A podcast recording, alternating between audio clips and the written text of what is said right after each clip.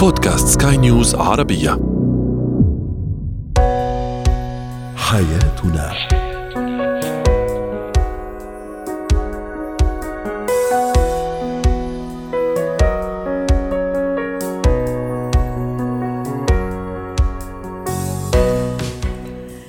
مستمعينا الكرام أهلا بكم معنا إلى حياتنا. فضاؤكم اليومي الذي يعنى بشؤون الأسرة وباقي الشؤون الحياتية الأخرى والذي يمكنكم الاستماع إليه عبر منصة سكاي نيوز dot com slash بودكاست وباقي منصات سكاي نيوز العربيه الأخرى. شاركونا أيضا عبر رقم الواتساب 00971 561 886223 معي أنا أمان شاب. اليوم نتحدث عن الشريك المدمن على عمله بشكل يؤثر على الأسرة.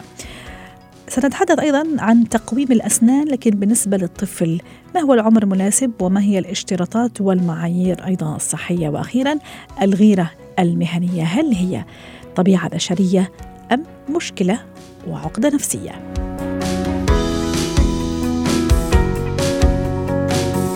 هو وهي.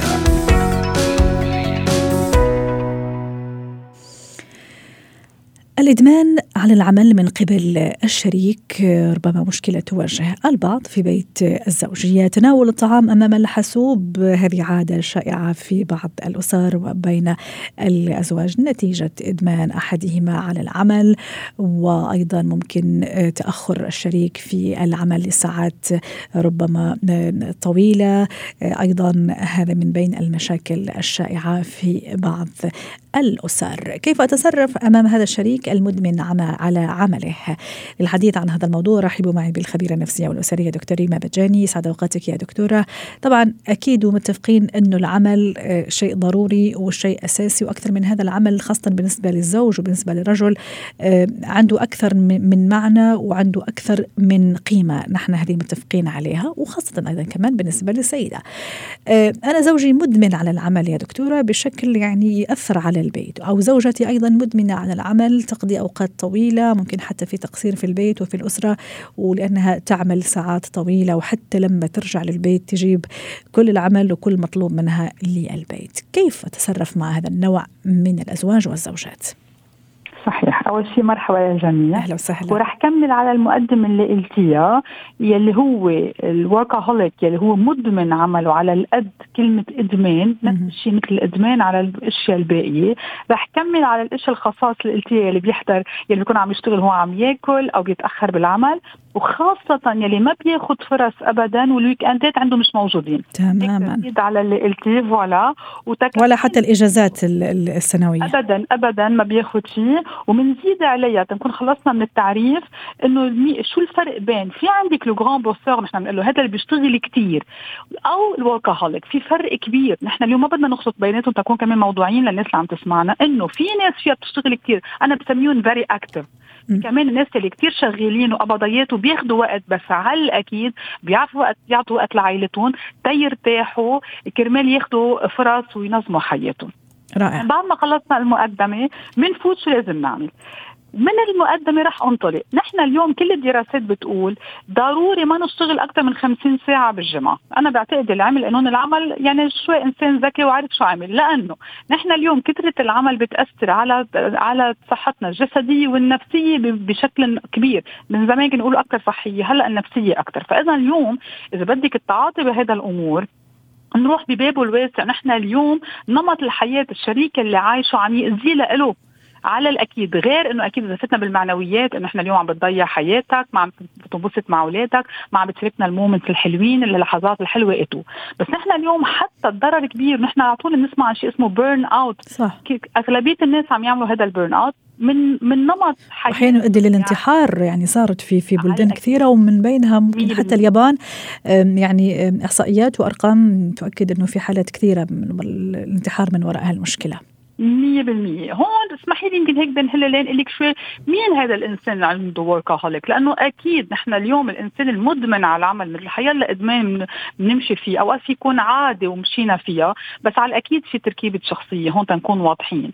هيدي الشخصية نحن اليوم بنقول شوي بتعرفي في ناس بنسميها en français l'angoisse du vide بيخافوا إنه ما يكون عندهم شيء يعملوه أها. مش بيخافوا بيقلقوا إنه ما عندهم شيء يعملوا في ناس عندهم هيدا القلق وهون كوني أكيد ال workaholic هو أول واحد عنده هيدا الخوف بتعرفي أوقات بنشوفها بالأمهات يلي بالبيت على طول نحن بنسميهم ال maman poule يلي على طول بتهتم وبتعمل. بتعرفي في أمهات كمان بالبيت بيخافوا إنه أولادهم ما يعوزون أو ما يعملوا شيء. يعني هون وصلتني لمحل تاني. انه أنا اليوم الإنفستمنت اللي عم بعمل استثمار تقاطع عم بعمله بفرد محل كل هودي عم لك إياهم تقول لك أقدر ساعد الزوج أو الزوجه كيف يتعاملوا مع هذا الشخص. رائع. أنا اليوم. من بعد ما أكون أنا فهمت هيدا الشخص ليش عم يعملون قادرة اليوم ساعده وشو عم مش هيك أول وحدة إذا بدك من الاسم اللي بدي أقولها إنه اتفهم شو وضعه هذا الإنسان. رائع. ست ريما آه، حضرتك حكيتي ويعني وشرحتي ال- الوضع على مستواه هو الشخصي طيب معقول إنه هو عم يشتغل ولا هي عم تشتغل كذا بشكل آه، فيه مبالغة وإدمان لأنه بين قوسين مش مرتاح أو مش مرتاحة معي محاولة هروب من واقع معين في بيت الزوجية في هذا العلاقة هل هذا معقول؟ هون بنكون عم نقول زيادة. اللي عم بيصيروا يعني نحن اليوم على باز لأنه الإنسان مش مبسوط بالعلاقة بس ما عنده الصفات اللي قلناها قبل شوي بيروح صوب شيء ثاني.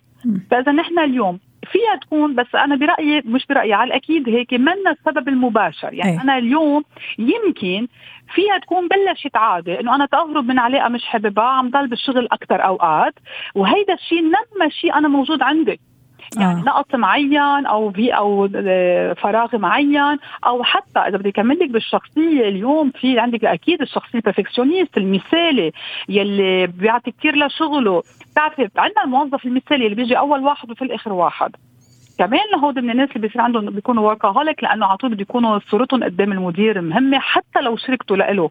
أوقات. تلاقيه صاحب شركة وعم يجي قبل الموظفين. طيب. هون قد ما بدك فينا نحكي عن شو الشخصية المعقول تودي لهيدا الشيء. دكتورة سؤالك في يكون في يكون كمان سبب من الأسباب. دكتورة ه- هذا الشخص المدمن على العمل هو عم يعترف؟ هو عارف إنه مع نفسه اتليست إنه اللي عم يعمله ترى هو مش طبيعي هو إدمان عم يزيدها شوي عم يأثر على حياته ولا لا؟ لأنه حي لما تيجي تحكي مع هالانواع ممكن يقول لك ما أنا عم امن لكم حياتكم انت والأولاد ولازم أعمل ولازم أكسب أكثر ولازم مدري إيش ولازم أعمل عمل ثاني وثالث. هو عارف إنه إنه اللي عم يعمله خطأ ولا لا؟ ابدا. وهون مم. كانت رح تكون النقطة الثانية إنه كيف بدنا نساعده، so وقت ما نخليه يكتشف شخصيته، النقطة الثانية بنقول له please آه، اشتغل على حالك، وهون النقطة. لأنه اليوم على الأكيد ما بيكون عارف، ومثل ما قلت قبل شوي إنه الشغل ضرورة ومزبوط، هو الشغل ضرورة لأنه أول شيء هو بيكون عم بيأمن لنا حياة كريمة مثل ما بنقول،. واثنين عم بيأمن لي satisfaction هيك رضا رضا. نفسي مم. رضا عم بيعمل لي إنج... عم بعمل إنجازات مم. مش على طول كمان الرضا بيكون بالمصاري. so اليوم عم بتخليه تسحب بين إيديه زو... امرأة أو رجل مم. نجاحات آه، تقديرات et tout على الأكيد ما راح يكون قبلان يعني إذا طيب. يكون عايش denial دكتورة كيف إذا أتعامل مع هذا ال- ال- الشخص أتفهم طبيعة عمله أكيد راح تقولي لي واضح. هذا أكيد راح لازم أتفادى المقارنات صح ولا لا بزوج صديقتي ولا بزوج أختي أو بزوجة الصديق آه. إيه، كيف كيف راح تكون الطريقة دكتورة؟ voilà فإذا وهون انهي لك بقصه المقارنه ممنوعة حتى بيناتنا. وقت المشكلة بتكون بيقارنوا بين بعضهم. مثلا بتكون الزوجة بتختلف عنه بطريقة شغل. إذا اثنيناتهم بيش- بي- بيشتغلوا هون بتبلش كمان المشاكل. نوصل على النقطة الثالثة. لازم الزوج أو الزوجة اللي هن واعيين لهيدا الأمر يحطوا هن ال rules بالبيت. عايزة أنا بسميها guidance ما بحب rules بحبيها guidance مم. إنه أنا je voudrais guider أنا بدي مش مشي مثل ما بدي أكيد كمان منا حلوة ابدا. إذا بدك دله على الطريق الصحيح إذا هيدي ظابطة الكلمة. رائع. okay يعني أنا بحط rules بالبيت. يعني أنا اليوم على العشاء ما في تليفونات ما في لابتوب العشاء ممنوع يكون على ال fauteuil العشاء على الطاولة كلنا سوا. يلي هون هي قصص الحياة العائلية كمان. نحن على طول بنقول لازم نكون يا مرة بالنهار عم نتغدى وعم نتعشى سوا تنعمل communication صح. okay؟ آه، هي الزوجة أو الزوج يحضروا بروجرامات. أنا اليوم الشخص وهون أكيد عم نحكي عن الإنسان الإيجابي يلي مش عارف حاله إنه كثير عم يكثر شغل بس عم يهمل حياته العائلية والزوجية وإجا partner وشريكه عم بيساعده رح يروح صوبه. وأنا هون الاساسيه لأنه إذا ما راح صوب يعني هون مشكلة أكبر.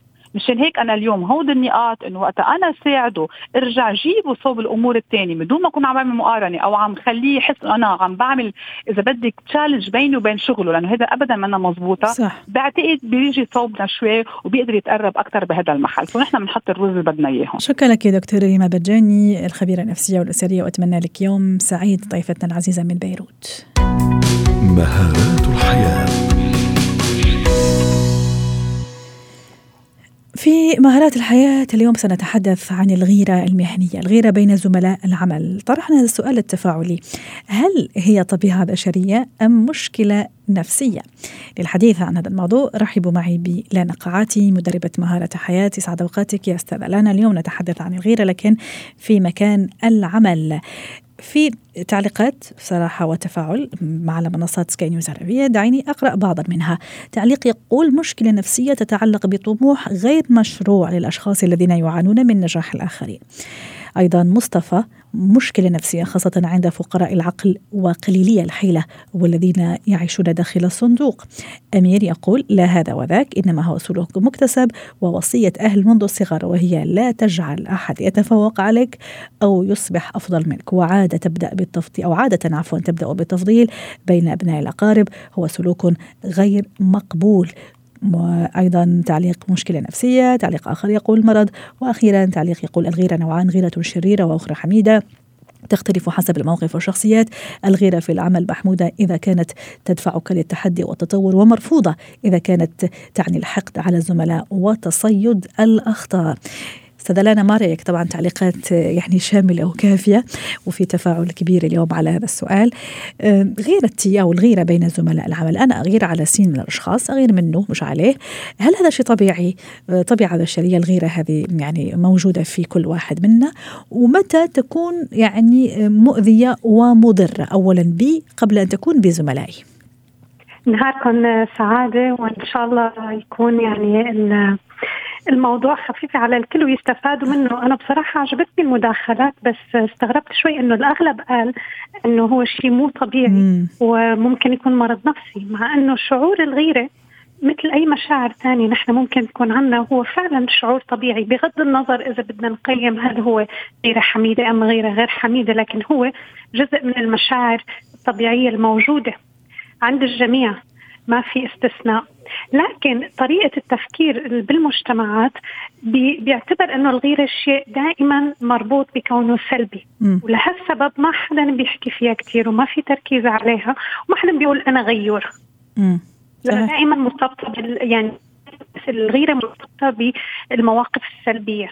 بس كمان من ضمن التعليقات ستلانا أيضا حتى نرجع لها وناخذ منها أيضا ونستقي منها هذا هذا اللقاء اليوم. لا في قال انه مثلا بالعكس هي جميلة. إذا كان الهدف منها أني أطور نفسي أتحدى أتطور هذه كمان زي ما تفضلتي موجودة في الطبيعة البشرية. الشخص يحب يكون دائما هو الأحسن هو الافضل لكن مش على حساب أني أكون حقود مثلا أني أتصيد أخطاء الزملاء أني أعمل مشاكل مثلا. وكمان في تعليق كثير مهم يعني رجعنا لسنوات الطفولة وأتصور عنده كثير معنى ومعنى عميق. لما أهالينا وحنا صغار أنه لازم انت تكون الأحسن وأنت الأفضل وأنت الأول وأنت وأنت وأنت وأنت. وكأنه يلغي الآخر. يمكن هذه كمان راح تنمي فينا شوية هالجانب اللي مش كويس إنه دائما شوية أنانية مربوطة ومحبوكة بغيره ما رأيك؟ تماما. الكلام هذا صحيح. أكيد الغيرة مطلوبة وبمجال العمل تواجد الغيرة بشكل حميد ودرجات مثل ما حضرتك المتابعين تفضلوا.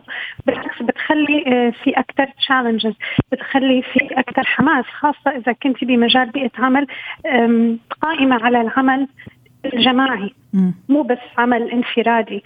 فبتخلق روح تفاعل أكثر في منافسة بس المهم تكون المنافسة شريفة. وبتضر الشخص نفسه. يعني إذا تحولت نحن شو بنقول هو الحد؟ إنه الغيرة تتحول إلى حقد إلى حسد. م. هون بيكون في ضرر على الشخص ذاته قبل ما يكون الضرر على الغير. لأنه اللي بيكون عم بصير أغلب الوقت عم بيكون عم بيقيم نفسه مقابل الآخر. فبيكون شاغل نفسه دائما بهذا التقييم بدل ما يركز على العمل نفسه وتكون إنتاجيته كويسة.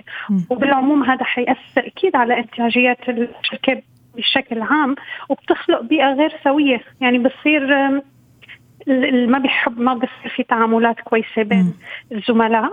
ومع الوقت بيأثر على الشركة نفسها من ناحية سمعة الشركة من ناحية إنتاجيتها من ناحية التكلفة إنه ممكن موظفين يتركوا بسبب هذا العمل اللي موجود داخل الشركة. وعلى سيرة الشركة أيضا ست لنا في مثل شعبي طبعا هلا كل واحد يقوله بطريقته لكن بما معنى إنه عدوك هو صاحب مهنتك يعني اللي يمتهن نفس المهنة اللي أنت عم تعملها عرفت كيف؟ هو دائما اللي, اللي ممكن بين قوسين ما يحب لك الخير يحسدك شوي ينتقدك دائما في الشيء اللي عم تعمله اللي هو كمان عم يعمله. ف يعني عرفت كيف؟ هل هذا صحيح؟ يعني نلاقي يعني هذا النوع من الغيرة من نفس الأشخاص اللي اللي يشتغلوا نفس الشغل اللي نحن عم نشتغله. بعدين كيف أنا أواجه هذا هذا الغيرة؟ خلينا أقول. هلا إلى حد ما إذا بدنا نروح نشوف الدراسات هل هو صحيح؟ هو شيء طبيعي وصحيح حتى يعني إذا بدنا نكمل على نفس هاي المقولات أحيانا بيقولوا لك إنه السيدات بيغيروا من بعضهم أكثر مثلا بدل ما يدعموا بعضهم. مو بالضرورة هذا الشيء أكيد 100% صحيح لكن في نسبة منه كيف بدنا نواجهه؟ إذا أنت بالمجال العمل المواجهة دائما بتكون من الأعلى إلى الأسفل، بده يكون دائما أهم شيء يكون في عندك قوانين واضحة، policies من الموارد البشرية بتوجه الموظفين كيف طريقة التعامل معهم. بس أكيد الموارد البشرية ما رح تدخل في نفسية الأشخاص يا لانا يعني حتى إذا أكيد الموارد البشرية رح تعمل rules قوانين آه، أشياء ردعية أكيد طبعا. بس كمان في النهاية كل واحد له أسلوبه. حتى ممكن يعني يأذي الآخر بين قوسين عرفت كيف؟ بطريقته يعني الموارد البشرية ما رح تدخل في نفسية الأشخاص هذا اللي أقصده. لكن إذا كان الغيرة حتتعدى ويصير فيها إساءة وما كان في قانون ب آه خلينا نقول يعني ما بدي أقول كلمة يعاقب لأن إحنا عم نتعامل بشركات لكن إذا ما كان في ما يردع بيفتح المجال فممكن تتطور ممكن يصير في أذى نفسي ممكن في يكون أذى جسدي ممكن في آه تنمر. في كثير دراسات لك أكثر من 25% الغيرة تتحول عندهم وبتتحول لأذى على الشخص الآخر. أيوه. بس اللي قصدي أنا يا لانا معلش يعني قصدي في بعض الأشخاص عندهم من المهارات طبعا بشكل سلبي أكيد مش إيجابي من المهارات ما يجعله فعلا يغير منك مهنيا وممكن يتصيد الأخطاء وممكن يعمل مشاكل بطريقة محبكة وبقصة محبكة وبأسلوب محبك يعني بشكل يعني ما راح تنتبه. لإدارة الموارد البشرية. بالعكس ممكن هو يطلعك أنت الغلطانة وأنت اللي اللي عم تغيري منه. فهمتي الفكرة؟ ف يعني كيف أنا أتصرف في, في هيك مواقف حتى أتفادى هذا الأشخاص الغيرون الغيورين عفوا بشكل سلبي؟ هلأ الواحد دائما بيقول أهم جزء إنه ما يفوت على نفس هي الدرجة ويكون عنده قدر عالي من التجاهل. م. يكون حكيم بالمواقف. لأنه كمان التجاهل إذا زاد عن حده فأنت عم تفتح فرصة لهذا الشخص إنه يستمر بالغلط بحقك. فلازم تكون واضح. بالنسبة للمجال بالعمل يعني حتى يكون عندك مهنية وما حدا يتصيدك دائما بدك تكون عم تعمل شغلك بما يتناسب يعني بمصداقية وبوضوح من ناحية مثلا إيميلات. إذا هذا الشخص تعرف أنه هو دائما بيحب آه، يحبك لك مشكلة خلي الحوار بشكل رسمي جدا عن طريق المراسلات الرسمية. مو بس كلام بينات بعضكم حتى ما يصير تناقل. ممتاز. بالغلط. صح. خليه بالإيميل فكله بيكون مدون وكله بشكل رسمي. هيك ما بيحسن واضح. آه، يمسك عليك مستمسك أها طب في, في, في نصيحة أخرى حابة تقوليها هنا قبل ما نودعك على خير اليوم ست لأنا؟ النصيحة الأخرى أنه نحن أحيانا المواجهة بتكون كويسة ونعرف سبب هذا الشخص اللي غيران وإذا فينا نساعده. شو الشيء اللي عم بيخليه يستفزه؟ فأحيانا فينا نقلب الصورة وإذا بنفهم وبنفهم أسبابهم ممكن نلغي كل الغيرة الموجودة. نعم. شكرا لك أستاذة لنا قاعدي مدربة مهارة حياة ضيفتنا العزيزة ويعطيك ألف عافية. زينة الحياة. اليوم في زينة الحياة نتحدث عن تقويم الأسنان عند الأطفال. آه، ما هي المعايير والاشتراطات الصحية؟ العمر المناسب؟ كل هالأشياء اللي أي واحد ممكن يطرحها على حاله خاصة إذا كان أب أو أم. آه، دعونا نتعرف على هذا الموضوع المهم جدا مع دكتور آه، مينا شروبيم اختصاصي طب أسنان الأطفال. يسعد أوقاتك دكتور. شكرا لانضمامك معنا. بعرف أنه عندك كثير مراجعين اليوم وشوية خطفناك من المراجعين. حابين نستفيد منك اليوم يا دكتور. متى أو ما هي خلينا نقول لماذا يحتاج يحتاج الطفل لتركيب أو تقويم أسنان. أستاذة أمل كيف حضرتك؟ سعد أوقاتك ألف عافية. الله آه، ردا على سؤالك هو إحنا زمان كان عندنا فكرة إنه آه لما يبدل لما يبقى 12 سنة أو لما يخلص كل أسنانه اللبنية نبتدي نعمل تقويم. ده كان الاولد سكول أو المدرسة القديمة. بس دلوقتي لأ بعد الأبحاث وبعد الدراسات إحنا دايما بنقول لما الطفل يبقى سبع سنين لازم يجي يشوف دكتور الأطفال ودكتور التقويم مع بعض. إنه ساعات بيبقى الفك مش مظبوط فإحنا بنعمل حاجة interceptive orthodontics أو تقويم تدخلي. ده بنخش نصلح الفك وبعدين احتمال على سن 12 نحتاج تقويم تاني. فهي ملهاش ملهاش سن معين بس إحنا بنقول على كل يعني كل حاجة أو كل حالة وليها وليها علاجها أو ليها تشخيصها. بس الأكيد صلح لك دكتور يعني بعد ما الأسنان اللب- اللبنية عفوا تروح وتجي ما بدلها الأسنان العادية. أه، برضو مش هقدر أقول لك أها. إنه زي كمان مش مش مش أكيد. إنه السبع سنين ده هو لسه عنده أسنان لبنية. أها. على سبع سنين لسه عنده أسنان لبنيه أنت الطفل بيخلص كل اسنانه اللبنيه على 12 سنة. فأنا بقول لحضرتك إحنا في ساعات بنعمل تقويم على سبع سنين. في ناس اللي هم عندهم مثلا هديكي simple example example بسيط حاجة اسمها ال cross bite أو العضة المعكوسة. مثلا ناس هتلاقي فكهم اللي قدام اللي تحت sorry متقدم كتير لقدام. فده مثلا لازم أقول لك لأ على سبع سنين لازم نعمله إن لو لا قدر الله ما اتعملش في حالات شفناها بيتأخروا فيجي مثلا على سن 18 أو 12 نبتدي نعمل له آه، جراحة فك إنه نقصر له الفك. جميل. كده دايما بنقول على سن سبع سنين يعني حلو إن إحنا ضروري. إيه الواحد الطفل يكون اول أول زيارة ليه للاختصاصي في. التقويم الأسنان. من ساعة لما حضرتك عرفتينا دايما أقول لك الوقاية خير من العلاج. 100% دكتور مينا آه، إذا لاحظت مثلا آه، أسنان متباعدة عن طفلي أو مزدحمة أو اكتشفت سن أو أسنان زائدة عند الطفل أو إطباق غير صحيح للفك هل كمان هذه أسباب تخليني على طول ألجأ لك كطبيب أسنان و- وتحديدا التخصص في في ال- في التقويم؟ بالظبط. لسبب واحد إنه مثلا يعني حضرتك قلتي حاجة حلوة قوي إن الناس اللي عندها اسنان زيادة. السنان الزيادة دي سبحان الله مش أحسن حاجة يعني هو الخير الزيادة مش بركة دايما في السنان.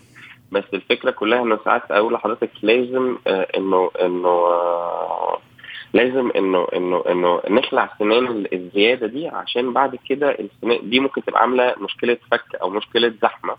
مع التقويم يبتدي يبتدي نقفل السنان مع بعض. رائع. آه، في أنواع دكتور آه، مينا لها التقويمات بمعنى التقويم المؤقت التقويم غير المرئي التقويم المعدني. وبعدين إلا ما راح ألاقي صعوبة في في تقبل الطفل لهذا الموضوع أليس كذلك؟ وكيف نتعامل معه؟ آه، حضرتك يعني دكتور وأكيد ممكن في أطفال يتقبلوا في أطفال يرفضوا في أطفال يجيهم الموضوع غريب شوي. خلينا نحكي على أنواع التقويم وبعدين كيف اقنع طفلي بهذا الموضوع؟ okay إحنا التقويم simply في نوعين في اللي هو الشفاف اللي هو اللي بيتركب في البق وبيطلع تاني وفي اللي هو الحديد. اللي حضرتك أكيد شفتيه أو معظم الناس شافته اللي هو الحديد اللي بيبقى في البق. هي ال ال ال الميزة بتاعت الحديد إنه إنه ما يضيعش أو إنه إنه إنه إنه يعني بنقول مش محتاج مجهود كتير قوي من الطفل أو من أو من المريض عشان يتعاون معاه. مشكلة الشفاف يعني هل هتضمني إن الطفل يلبس البتاع ده طول اليوم؟ هيقلعه بس يوم لما ياكل. مم. دي حاجة ال- ال- الاهالي هم اللي يقدروها. الشفاف اللي زي القالب ينحط على على الأسنان صح يا دكتور؟ بالظبط. لما أقول شفاف اللي هو القالب اللي بيتحط على السنان ده. تمام. آه بس الشفاف كتير أسهل وكتير بالعكس كتير بي... الأطفال كتير قوي بيتقبلوه إنه إنه دلوقتي عارفه التنمر شغال. مية بالمية. هذا اللي كنت راح أحكي لك. حتى ما يوجع راسه ويضطر أنه في كل مرة ي- يجيب على أسئلة أصحابه و- وزملائه بالظبط. بالظبط. آه بس هي الفكرة كلها إنه بنقول compliance of the patient. يعني لازم المريض يبقى متعاون معاه إنه دايما نفسه. في أطفال هو at the end of the day طفل يعني غصب عنه. ممكن يبقى نسي مش عارف إيه. لكن زهق أحيانا كمان الطفل معروف أنه يزهق وبسرعة يعني يقلق ومزاجي ومودي وأكيد يعني. ففي أهالي يجون يقول لك لا والله أنا عارف ابني أو بنتي مش هيتعاونوا معايا فنركب الحديده عشان نضمن النتيجة تطلع أسرع. إنه الاله ده لازم الطفل لازم الطفل أو المريض يلبسه طول النهار حتى وهو نايم. طيب ومش من حق الطفل علينا نشركه أيضا في هالموضوع ونأخذ رأيه يا دكتور؟ هنا شوية دخلنا في موضوع نفسي لكن طبعاً. أكيد كتير مهم. يعني لما يجي الأب يقول لك أنا والله أفضل أنه حديد وتقليدي مش كمان من حق الطفل أنه ناخذ رأيه ونفهم منه ونعرف ليش طبعا وكيف ها؟ طبعا. بليف تصدقيني يعني مش عارفة تصدقيني لأ بس في أطفال بيجي يقول لك لأ أنا عايز الحديد. إنه في أطفال يقول طالعه موضة بقى يقول لك أنا جاي أعمل تقويم. بس. معلش سامحيني أنا يعني دايما بحب أنبه الموضوع ده. يعني إحنا كدكاترة أطفال أول قانون بنقوله لو انت شايف طفل طفلك أو بنتك أو ابنك مش ملتزم بغسيل السنان مم. ما تضيعش ولا وقتك ولا فلوسك في التقويم. أنا بقولها بكل صراحة وبكل أمان. انه إنه انت جيتي صلحتي حاجة بوظت لي تاني حاجة تانية. إنه إحنا بنقول مثلا لو من عشرة الناس ممكن يجي لك ثلاثة من عشرة من غير تقويم ثلاثة من عشرة يجي لك تفاوز مع تقويم عشرة من عشرة.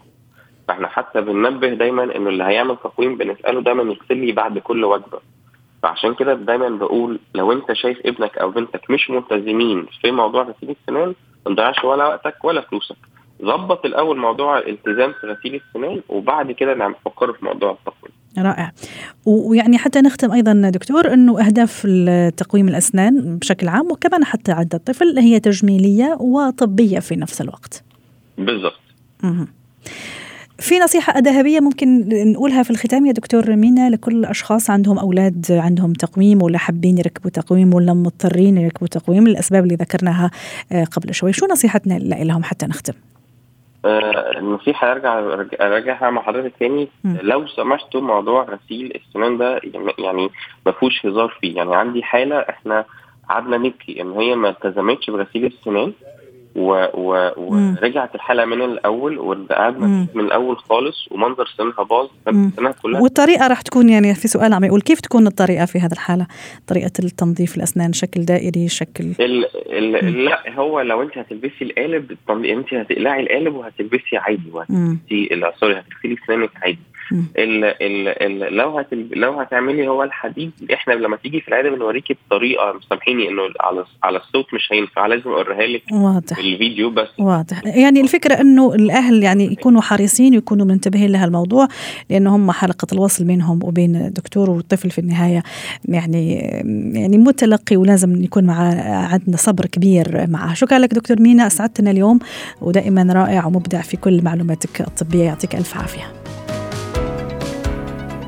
ختم حياتنا. شكرا لكم على اللقاء.